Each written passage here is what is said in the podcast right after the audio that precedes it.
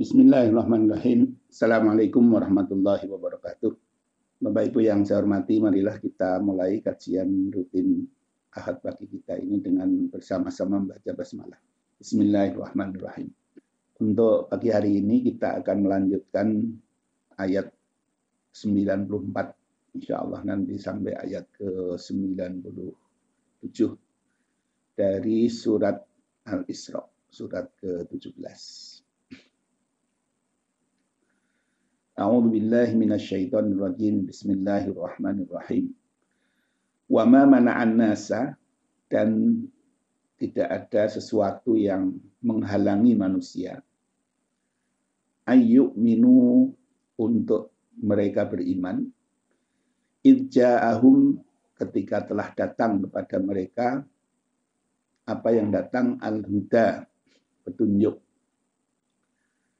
illa kecuali anqalu ketika mereka mengatakan aba'asallahu basyaron rasula.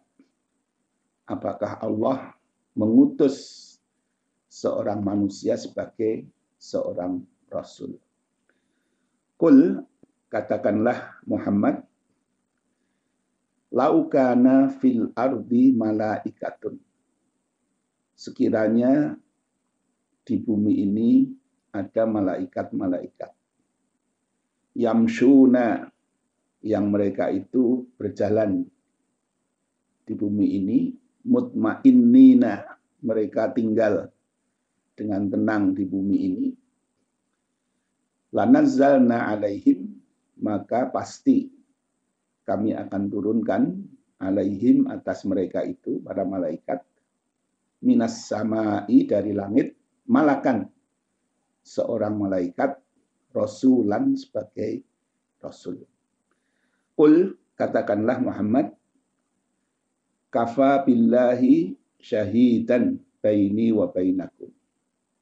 Cukuplah Allah syahidan menjadi saksi baini wa bainakum antara aku dan kalian. Innahu sesungguhnya Allah kana bi ibadihi khabiran basira adalah maha mengetahui dan maha melihat terhadap hamba-hambanya. Waman yahdillahu dan barang siapa yang Allah beri petunjuk fahuwal muhtadi maka dialah orang yang mendapatkan petunjuk. Waman yudlil dan barang siapa yang Allah sesatkan falan tajidalahum awliya'a min dunihi. Maka engkau tidak akan temukan bagi mereka itu penolong-penolong min dunihi selain Allah. Wa nahsyuruhum dan kami akan mengumpulkan mereka yaumal kiamati pada hari kiamat ala wujuhihim umyan wa bukman wa summa dengan wajah mereka yang tersungkur dalam keadaan buta, bisu, dan tuli. Makwahum, tempat kediaman mereka itu adalah jahannamu, neraka jahannam.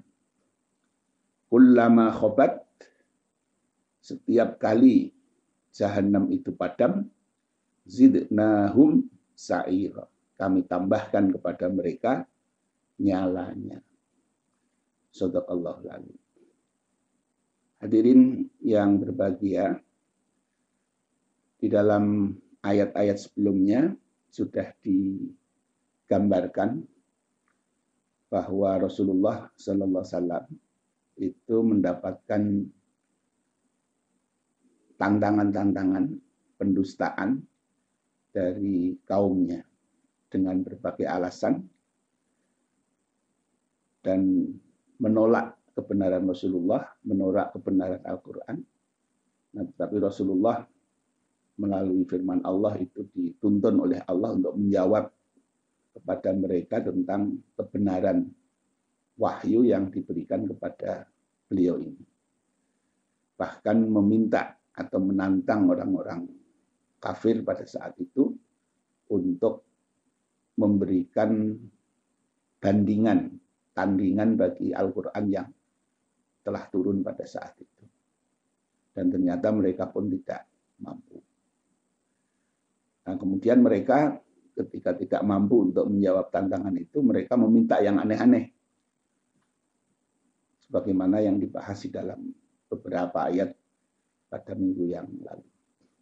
Nah, dan Rasulullah pun diperintahkan oleh Allah untuk memberitahu mereka bahwa Rasulullah diutus tidak untuk memenuhi semua permintaan mereka itu. Dan tentu atas hikmah dan kebijakan Allah, bahwa Allah tahu bahwa mereka ini meminta segala hal bukan untuk beriman, tetapi hanya untuk mencari alasan supaya mereka bisa menentang, maka Allah pun tidak menuruti apa yang mereka minta itu. Jadi cukup bagi Rasulullah untuk membawa bukti-bukti kebenaran melalui Al-Quran yang disampaikan kepada mereka itu. Nah, kemudian di bagian ayat ini, mereka berusaha untuk mencari alasan lagi untuk tidak beriman itu. Mencari legitimasi pembenaran terhadap uh, kekafiran mereka. Dengan mengatakan, idja'am huda illa an qalu aba asallahu basyaron rasulullah. Jadi Allah memberitahu Rasulullah bahwa mereka ini punya alasan lagi untuk tidak mau beriman dengan mengatakan aba asallahu basyaron rasulullah. Nah, apakah Allah mengutus seorang manusia biasa seperti kita sebagai utusan Allah? Nah, maksudnya Ya kalau memang Allah mengutus jangan yang seperti kita sama-sama sama dengan kita dong. Nah, tetapi yang beda dari kita. Misalnya para malaikat dan sebagainya. Nah ini sebenarnya adalah sekedar mencari-cari alasan untuk mereka tidak mau beriman. Nah, model yang seperti ini juga sudah dilakukan oleh kaum-kaum terdahulu. Ya sebagaimana diceritakan oleh Allah dalam banyak ayat yang pernah kita baca pada surat-surat yang lain yang dahulu. Misalnya di surat Yunus ayat 2 ya. Eh, Allah berfirman, "Akan nasi ajaban an auhayna an auhayna ila rajulin minhum an angzirin nas." Jadi apakah mereka pada heran, pada tidak percaya kalau Allah mengutus manusia ya, sebagai utusan Allah kepada mereka untuk memberikan peringatan. Jadi mereka punya alasan, mestinya Allah kalau mengutus jangan yang sama-sama kita. Dan misalnya di At-Tahu pun ayat 6 ya. Dzalika bi annahu kana statihim rusulun bil bayyinat faqalu abasyarun yahdunana. Jadi ketika kaum-kaum terdahulu didatangkan oleh Allah, utusan-utusan Allah kepada mereka, mereka mengatakan yang mirip dengan itu. Apa syarun yahdunana? Apakah yang beri hidayah kita yang ditugasi untuk membawa hidayah kepada kita itu manusia seperti kita juga. Fir'aun misalnya ya, beliau bukan beliau ya, dia mengatakan dikutip di surat Al-Mu'minun itu, anuk minuli ini mislina. Apakah kita harus percaya kepada dua orang yang sama dengan kita ini? Yaitu Nabi Musa dan Harun. Ya. Wa malana abidun sedangkan kaum mereka Bani Israel waktu itu menjadi budak-budaknya kaumnya Firaun. Kaum mereka saja jadi budak kita kok kita suruh beriman pada suruh percaya kepada dua orang yang mengaku sebagai utusan. Gitu. Nah, secara umum di surat Ibrahim misalnya ayat 10 uh, umat-umat terdahulu dikatakan oleh Allah in antum illa basyarun misluna turiduna antasudduna amma kana ya'budu abauna fatuna nabi sultan Kalian-kalian ini para rasul ya dikatakan oleh umatnya kan cuma manusia biasa juga. Tetapi kalian hanya ingin menghalang-halangi supaya kami tidak menyembah sesembahan-sesembahan kami. Nah, kalau memang betul kalian adalah nabi, adalah rasul, maka ya buktikan mana kenabian Anda. Nah, jadi ini sepertinya ini adalah satu satu hal yang sudah berulang-ulang dari zaman generasi-generasi umat terdahulu. Jadi mereka itu salah satu alasan untuk menjadi kafir itu karena masa ya sih Allah mengutus orang biasa sebagaimana kita kok? Tiba-tiba mengaku jadi nabi. Enak aja. Itu kan cuma orang cari cari kehormatan cari kedudukan cari popularitas. Mengaku-ngaku jadi nabi. Nah ini ini Allah juga menceritakan kepada kita di dalam surat Ali 194 ini bahwa Rasulullah pun mengalami juga hal yang sama. Jadi mereka mengatakan apa asallahu basyaron rasulah. Nah, ketika mereka mengatakan begitu, maka Allah perintahkan kepada Rasulullah, "Qul," katakanlah Muhammad, "Laukana fil ardi malaikatun yamshuna mutmainnina lanazzalna alaihim minas sama'i malakan rasulah." Jadi kalau yang tinggal di bumi ini adalah para malaikat, ya Allah akan utus utusannya itu malaikat. Tapi karena yang tinggal di bumi ini adalah manusia, maka Allah memilih utusannya di antara para manusia itu sendiri. Kenapa demikian? Karena kalau jenisnya itu beda, ya, misalnya kita manusia dengan malaikat, ini kan alamnya berbeda. Nah, ini pasti sulit untuk komunikasinya sulit, untuk memberi contoh yang konkret juga sulit, karena dunianya lain, dunianya lain. Nah, tapi kalau Rasul itu adalah seorang manusia, dia diutus oleh Allah menjadi contoh, menjadi tuntunan ya. Bagaimana cara hidup sehari-hari, bagaimana cara eh, berdakwah, bagaimana cara menjalani kehidupan keluarga dan sebagainya. Itu sesuatu yang mahsus, sesuatu yang bisa dilihat langsung oleh eh, manusia-manusia di sekitarnya. Nah ini adalah bagian dari hikmah Allah ketika Allah mengutus para rasul di kalangan manusia itu dari jenis manusia itu sendiri. Nah, sebagaimana Allah firmankan di surat Ali Imran ayat 164 ya. Allah berfirman, "Laqad manallahu 'alal mu'minin id ba'atsa fihim rasulan min anfusihim." Sungguh Allah telah memberi nikmat yang besar kepada orang-orang mukminin ini, orang-orang manusia-manusia yang beriman ini, idba'asa fihim rasulan ketika Allah mengutus di tengah-tengah mereka para manusia ini seorang utusan min anfusihim di dalam tafsir Mukasir jelaskan ay min jinsihim. Jadi yang berasal dari jenis manusia itu sendiri. Jadi Rasulullah beliau hidup sehari-hari diperhatikan orang setiap saat sejak lahirnya sampai meninggalnya. Nah, kemudian ketika beliau membawakan ajaran-ajaran, bagaimana cara memahaminya, bagaimana cara mempraktekannya, bagaimana resiko-resiko dari apa yang beliau tanggung karena keimanannya, seluruhnya dilihat oleh orang-orang, baik orang-orang yang beriman maupun orang-orang yang tidak beriman. Nah ini adalah bagian dari hikmah Allah SWT untuk memilih seorang utusan, seorang rasul itu berasal dari jenis manusia sendiri. Walaupun kalau misalnya Allah mau ya mengutus malaikat jadi rasul ya bisa saja apa susahnya. Tapi kalaulah misalnya diutus para malaikat jadi rasul, belum tentu mereka beriman juga karena memang niatnya itu permintaan-permintaan yang mereka ajukan itu hanya untuk mencari mencari pembenaran sikap kekufuran mereka. Bukti-bukti kelemahan kekufuran mereka itu sudah begitu banyak. Nah, dan juga tantangan-tantangan dari Allah tidak bisa mereka mereka jawab ya. Akhirnya mereka cari-cari alasan untuk tidak tidak mau beriman. Nah, itulah memang watak kekafiran yang cenderung untuk menolak segala kebenaran.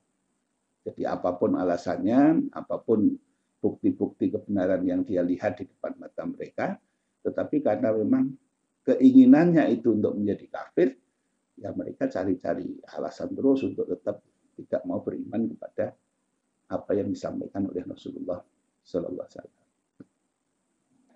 Nah, maka Allah kemudian mengatakan, Kul kafa billahi syahidan baini wa bainakum.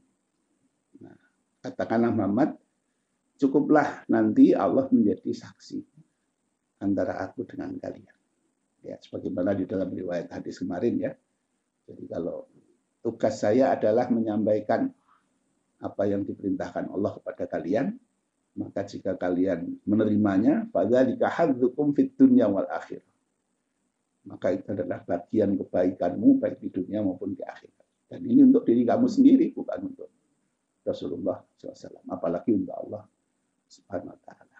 Tetapi jika kalian menolak apa yang aku diperintah oleh Allah untuk menyampaikannya, maka aku akan tetap bersabar di dalam jalan ini sampai Allah menetapkan hukum di antara aku dengan kalian.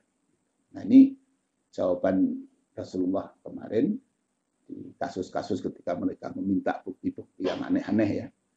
Itu seperti itu.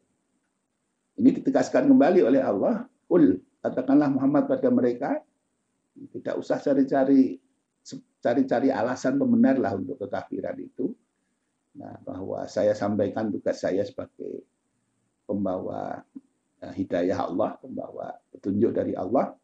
Kalau kalian mau menerima silahkan menerima, kalau kalian mau tolak ya tolak aja silahkan. Ya. Dan Allah nanti akan jadi saksi antara aku dengan. Innahu kana bi ibadihi khabiran basira. Sesungguhnya dia Allah adalah maha khabir, maha mengetahui hal-hal yang tersembunyi di dalam diri seseorang. Ini apakah seseorang ini sebenarnya ada bibit-bibit keimanan ataukah di dalam jiwanya itu sebenarnya memang ada pilihan-pilihan untuk menjadi kafir. Nah itu Allah khabir. Basiron. Ya. Jadi Allah melihat semuanya. Tidak usah mencari-cari alasan karena Allah sebenarnya tahu apa yang ada di dalam hati kita. Wallahu a'lam bima fisudur. Allah mengetahui apa yang sebenarnya ada di dalam hati seseorang itu. Nah sebenarnya ini nadanya ini ada nada-nada agak eh, memberi peringatan ya, kepada kepada mereka orang-orang yang kafir itu. Jadi cukuplah nanti Allah menjadi saksi karena Allah tahu apa yang sebenarnya ada di dalam hati kamu. Nah, oleh karena itu di ayat berikutnya Rasulullah menyampaikan sunnatullahnya di dalam bagaimana orang itu mau sesat atau orang itu mau mendapatkan hidayah. Mayyahdillahu fawal muhtad. Orang yang memang Allah berikan hidayah, ya dia akan adalah orang yang mendapatkan hidayah. Wa mayyudlil falan tajidalahum awliya'a min dunihi. Sebaliknya orang yang Allah sesatkan, maka lan tajidalahum aulia. Engkau tidak akan pernah mendapatkan orang yang bisa menolong untuk menyelamatkan mereka ini selain Allah sendiri. Kemudian orang-orang yang sesat ini, yang disesatkan ini, wa nahsyuruhum yaumal qiyamati ala wujuhihim. Kami nanti akan kumpulkan mereka di hari kiamat dengan diseret dengan muka-muka mereka umyan dalam keadaan buta, hukman, tuli, summan, isu ya. Ma'wahum jahannam kullama khubat zidnahum sa'ira. Di mana tempat tinggal nanti mereka di akhirat ini adalah jahanam. Kullama khobat ketika api jahanam itu telah meredup zidnahum sa'ira maka akan kami tambah lagi nyalanya. Nah, ini sebagai gambaran terhadap risiko dari eh, pilihan-pilihan mereka untuk menjadi kafir. Nah, hadirin rahmatullah, kadang-kadang memang ada pertanyaan dan mungkin dalam kesempatan pagi ini saya akan menambahkan beberapa catatan terkait dengan ayat yang terakhir ini ya. Uh, jadi di situ ada ungkapan mayyahdihillah mayyahdillahu fahuwal muhtadi. Orang yang Allah beri hidayah, maka dialah yang mendapatkan hidayah. Sebaliknya, wa mayyudlil falan tajidalahum awliya amin Jadi man yudlil di situ dan barang siapa yang yudlil itu fi'il mudhari' fa'ilnya siapa? Fa'ilnya itu Allah. Siapa yang Allah sesatkan, falan tajidalahum aulia. min dunihi. Maka tidak akan ada bagi mereka itu penolong-penolong selain Allah Subhanahu wa taala. Nah, pertanyaan yang segera muncul adalah kalau begitu ada orang yang diberi hidayah oleh Allah, ada orang yang disesatkan oleh Allah.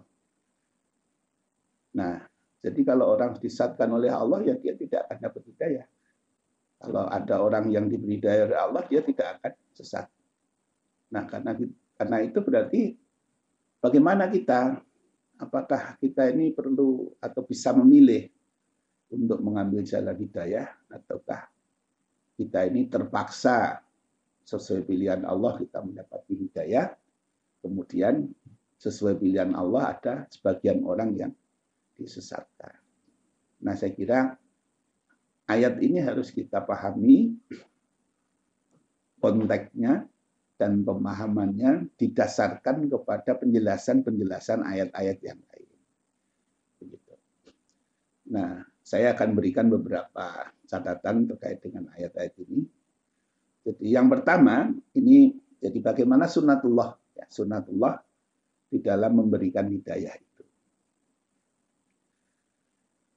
Poin yang pertama bahwa Allah itu menciptakan kita sebagai manusia itu dalam keadaan bebas.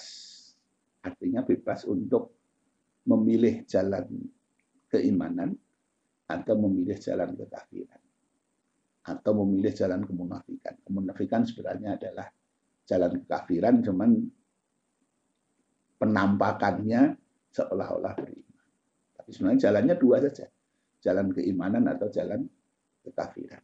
Jadi kita boleh memilih. Dan manusia diberi kebebasan. Nah misalnya di dalam surat Al-Kahfi ayat ke-29 Allah berfirman Wakul al-haqqu min rabbikum faman syaa falyu'min wa man syaa falyakfur. Katakanlah Muhammad, al-haqqu jalan yang benar itu adalah min rabbikum. Jalan yang berasal dari Tuhanmu. Maksudnya ajaran Allah itu. Nah, selain ajaran Allah ini tidak benar. Ya. Tetapi ketika Allah menegaskan bahwa kebenaran itu hanya ada pada ajaran Allah. Bagaimana manusia? Allah memberi pilihan. Faman sya'a fal yu'min. Maka barang siapa yang ingin beriman, silahkan beriman. Waman sya'a fal yakfur. Siapa yang ingin kufur, silahkan kufur. Artinya apa? Orang mau beriman, mau kufur, itu adalah pilihan. Pilihan pada orang itu sendiri. Nah, itu yang pertama. Contoh lain misalnya di dalam surat Al-Baqarah 256. La ikraha fid dini. Qad tabayyana rusydu minal Jadi Allah tidak memaksa orang untuk berpegang kepada agama Islam ini. Ya. Ini jalan kebenaran, al-haq, jalan kebenaran. Al-Islam, ad Nah, tetapi Allah mengatakan la ikraha fid Allah secara tegas mengatakan bahwasanya uh, inna tina indallahil islam wa may yabtaghi ghairal islami dinan falan yuqbala tetapi dalam keadaan yang sudah tegas seperti itu Allah masih mengatakan la ikroha fiddin. Orang tidak dipaksa untuk harus berada di dalam agama ini. Artinya dia boleh memilih. Dia mau di dalam, mau di luar, itu adalah pilihan dia. Surat Hud ayat 118. Allah juga menegaskan lagi, walau sya'a rabbuka laja'alan nasa ummatan wahidatan. Seandainya Allah mau, Allah bisa saja menjadikan manusia itu umat yang satu, yang sejenis, yang sama. Seperti para malaikat. Ya. Malaikat itu jumlahnya jauh lebih banyak dari kita manusia. Tetapi Allah membuat mereka itu sejenis dalam hal apa? Seluruh mereka itu adalah makhluk-makhluk yang taat kepada Allah SWT. Menjalankan ketaatan sesuai dengan perintah Allah kepada masing-masing mereka. Tidak ada satupun malaikat yang sekian jauh lebih banyak dari kita itu yang mengambil pilihan yang lain, yang tidak taat. Nah, kalau Allah mau, Walau sya'a rabbuka laja'alan nasa ummatan wahidatan. Allah bisa saja menjadikan manusia seperti para malaikat itu. Jadi semuanya dibuat taat pada Allah.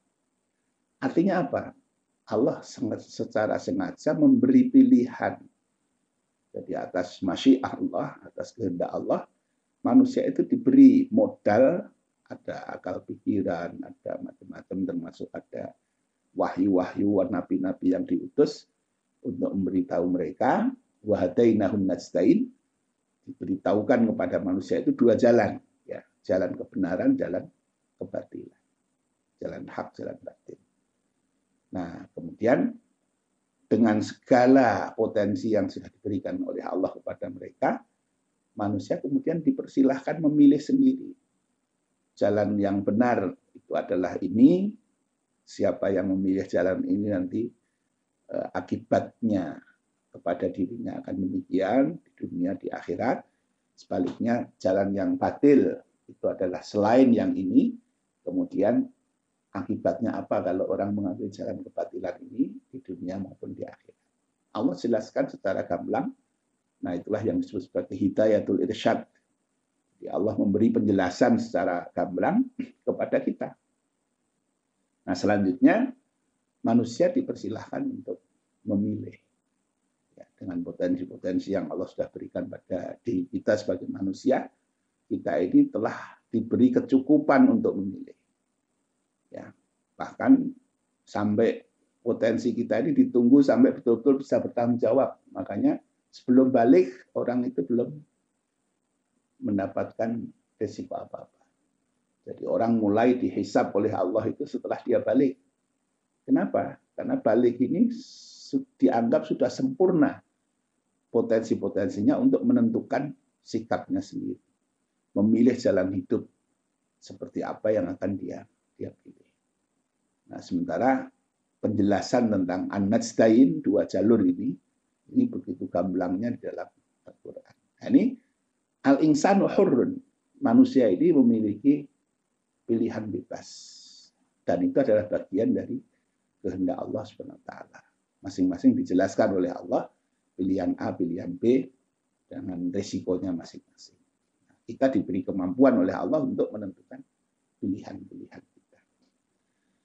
Nah, kemudian siapa yang kemudian disebut sebagai orang-orang yang diberi hidayah oleh Allah SWT. Ada banyak sekali ayat, saya hanya akan mengutip sebagiannya saja. Jadi bagaimana orang-orang yang diberi hidayah itu. Siapa ya yang disebut sebagai man yahdillah. Jadi siapa yang diberi tunjuk oleh Allah. Kalau kita perhatikan di dalam Al-Quran, maka yang disebut man yahdillah, siapa yang diberi petunjuk oleh Allah, itu tidak disebut si fulan, si fulan, si fulan. Tetapi adalah kualifikasi. Orang yang demikian, orang yang demikian, orang yang demikian, orang yang demikian maka dia akan mendapatkan petunjuk. Sebaliknya, orang yang disesatkan oleh Allah itu juga tidak tidak ditunjuk si fulan si fulan si fulan. Nah, tetapi orang yang begini, orang yang begini, orang yang begini, orang yang begini, maka dia akan disesatkan oleh Allah SWT. Orang yang begini, yang begini, yang begini tidak akan diberi petunjuk oleh Allah SWT. Nah, sehingga siapa pun kalau dia mengambil jalur sebagaimana jalurnya orang-orang yang akan mendapatkan hidayah sesuai sunnahnya ini, maka pasti Allah akan memberi dia hidayah. Sebaliknya, walaupun istri seorang nabi, walaupun anak seorang nabi, kalau dia mengambil jalur yang karakteristiknya adalah karakteristik yang akan membawa dia kepada kesesatan, maka pasti dia tidak akan diberi hidayah, pasti dia akan disesatkan. Karena itu jalurnya, pilihan dia. Nah, nanti konsekuensi-konsekuensi dari pilihannya itu akan menjadi resikonya sendiri. Sebagaimana dalam hadis riwayat Muslim ya, eh, takwa dan fujur itu pilihan.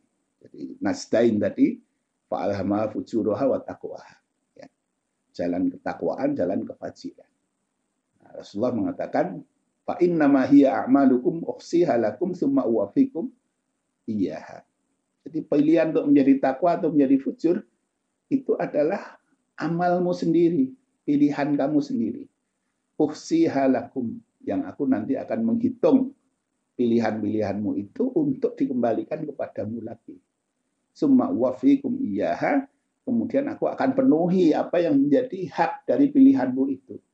Yang pilihannya jalur neraka, ya haknya untuk masuk neraka akan dipenuhi oleh Allah. Yang pilihannya jalur surga, maka insya Allah haknya untuk mendapatkan surga akan dipenuhi oleh Allah SWT. Makanya Allah Rasulullah pernah mengatakan, "Faman yajidillah khairan faman faman wajada khairan falyahmadillah. Maka apabila nanti di hari kiamat kamu mendapati kebaikan, artinya mendapatkan jannah sebagai imbalan dari pilihan-pilihan kebaikan kita di dunia, falyahmadillah, maka bersyukurlah memuji Allah. Waman yajid ghaira dzalika, waman wajada ghaira dzalika, fala yalumanna illa nafsah Nah sebaliknya yang nanti di akhirat mendapatkan yang lain, bukan kebaikan tapi keburukan, maka janganlah dia menyesali, memaki kecuali dirinya sendiri. Nah ini sunnahnya seperti itu. Ya. Nah sekedar contoh ayat-ayat nanti bisa dilihat oleh Bapak Ibu di, di rumah ya. Jadi ayat yang menunjukkan bagaimana orang mendapat hidayah. Contoh misalnya surat Al-Lail ayat 5 sampai 7. Fa amma man a'ta wattaqa wa saddaqa bil husna fasanu yassiruhu lil yusra. Lil yusra di situ maknanya apa? Lil jannah. Orang yang suka memberi, bertakwa, membenarkan kebenaran yang dibawa oleh para rasul, fasanu yassiruhu lil yusra. Maka dia akan Allah mudahkan menuju kepada jalan yang membawa kebaikan, kemudahan pada dia yaitu jalan ke surga. Nah sebaliknya untuk yang ke neraka ya, wa amma man bakhila wastagna wa kadzdzaba bil husna fasanu yassiruhu lil usra. Jadi barang siapa yang bakhila wastagna, bakhila itu merasa ya bakhil ya, tidak suka untuk menafkahkan hartanya untuk kebaikan. Wastagna dan merasa cukup dengan apa yang dia miliki. Wakadzdzaba bil husna dan mendustakan ajaran-ajaran kebaikan yang datang dari Allah. Fasanu yassiruhu lil usra maka Allah akan memudahkan dia kepada jalan yang menyulitkan dia. Artinya jalan ke neraka. Nah, ayat ini pernah dijelaskan Nabi sebagaimana dalam pertemuan beberapa waktu yang lalu saya sampaikan. Jadi Nabi pernah mengatakan bahwa seseorang itu sudah ditetapkan oleh Allah tempatnya di surga atau di neraka. Kemudian para sahabat bertanya, ya Rasulullah, kalau begitu kita tidak perlu beramal ya Rasulullah. Kita pasrah saja kepada ketetapan Allah. Kata Rasulullah, bukan begitu. Fakullun muyassarun khuliqalahu. Setiap kita ini dimudahkan oleh Allah untuk menuju kepada tempat yang dia diciptakan untuknya. Kalau yang orang ahli surga ya dia akan dimudahkan untuk menuju ke surga. Kalau ahli neraka dia dimudahkan menuju ke neraka. Nah, kemudian Rasulullah membacakan ayat ini. Fa wa bil husna fasanu lil wa amma man bakhila wastaghna wa kadzdzaba husna fasanu lil. Nah, kemudian saya Ibnu Saimin beliau mengatakan kalau begitu sebenarnya kita penting untuk merenungi diri kita sendiri setiap saat. Nah, apakah perilaku-perilaku kita setiap hari itu setiap orang mestinya sudah merasa ya apakah dia sedang menyiapkan dirinya menuju neraka atau sedang menyiapkan dirinya menuju surga. Kalau dia atau wattaqo wasattaqo bil husna mudah untuk memberi kepada kebaikan-kebaikan selalu berhati-hati dalam hidup ini menjaga agar tidak menyimpang dari ketentuan Allah kemudian wasattaqo bil husna mudah menerima ajaran-ajaran kebenaran dari Allah maka sebenarnya kata beliau, dia sudah bisa menduga bahwa dirinya sedang dituntun untuk menuju kepada ahli jannah. Nah sebaliknya ketika orang kok muncul rasa bakhilnya, ya, kemudian merasa cukup dengan dunia yang dia miliki, seolah-olah dia tidak ingat, tidak butuh pada akhirat. kemudian ada ajaran-ajaran agama itu cenderung untuk membantah, cenderung untuk mencari-cari alasan untuk menolak, maka sebenarnya dia ini sedang dimudahkan oleh Allah untuk menuju jalan dia ke neraka. Maka silahkan masing-masing kita melihat bahwa hari ini saya sedang dimudahkan ke surga atau sedang dimudahkan ke neraka. Nah, kalau kita sedang dimudahkan ke surga, maka syukurilah dan mintalah keistiqomahan kepada Allah. Tapi kalau kita tahu hari ini sepertinya kita sedang dimudahkan ke arah neraka, segeralah untuk kita beristighfar kepada Allah. Nah, ini begitu. Jadi siapa yang mengambil jalur ini, maka begini yang mengambil jalur ini. Nah, kemudian misalnya ya, innalladzina amanu wa amilus solihat yahtihim rabbuhum bi imanihim. Orang yang mau beriman, beramal soleh, maka Allah memberi hidayah mereka karena imannya. Jadi hidayah itu diberikan karena dia mengambil pilihan untuk beriman dulu. Ada Abu Jahal, ada Umar bin Khattab. Dua-duanya tokoh luar biasa di zaman Quraisy. Dua-duanya sering mencuri-curi dengar untuk mendengarkan Al-Quran. Tetapi hasilnya beda. Bahwa Umar bin Khattab akhirnya dia cenderung menerima kebenaran dan akhirnya beliau menjadi muslim. Nah, sedangkan Abu Jahal cenderung menolak. Ya. Kemudian dia menjadi kafir bahkan memusuhi Islam. Ayat yang turun sama. Ya. Quran yang mereka curi-curi dengan sama juga. Nah, tetapi kecenderungan pilihannya berbeda antara Umar dengan Abu Jahal. Nah, ini contoh. Jadi setiap orang akan diberi kebebasan untuk mengambil pilihan-pilihan. Ini contoh tadi yang memberi hidayah ya, dan lain-lain lagi ayatnya banyak. Nah, yang tidak diberi hidayah oleh Allah siapa? Ya banyak ayat innallaha la yahdil qaumadz zalimin, la yahdil qaumal fasikin, la yahdil qaumal kafirin, ya itu menunjukkan bahwasanya ya orang kalau mengambil jalan kezaliman, kefasikan, kekufuran pasti Allah tidak akan pernah memberi hidayah mereka itu. Nah, falam mazagu azagallahu qulubahum surat As-Saff ayat 5 ya. Ketika mereka cenderung untuk menyimpang, azagallahu qulubahum, maka Allah pun membengkokkan hatinya. Jadi ini Allah membengkokkan hati seorang menyimpang dari kebenaran kalau di dalam dirinya sendiri sudah ada kecenderungan untuk menyimpang. Nah, sehingga inilah sunatullah di dalam hidayah dan tatlid. Jadi Allah tidak menentukan si fulan si fulan si fulan mendapat hidayah, si fulan si fulan si fulan disesatkan, tetapi Allah lebih tahu betul ya. Hobirun ya. Hobirun basiro mengetahui sangat detail setiap orang itu dia akan cenderung kepada yang mana. Maka Allah akan uh, lewatkan jalannya kepada jalan yang menuju tempat akhirnya. Demikian Bapak Ibu, kajian pagi hari ini mungkin masih ada sedikit waktu untuk kita bisa uh, menyampaikan atau Bapak Ibu bisa menyampaikan pertanyaan-pertanyaan. Terima kasih. Assalamualaikum warahmatullahi wabarakatuh.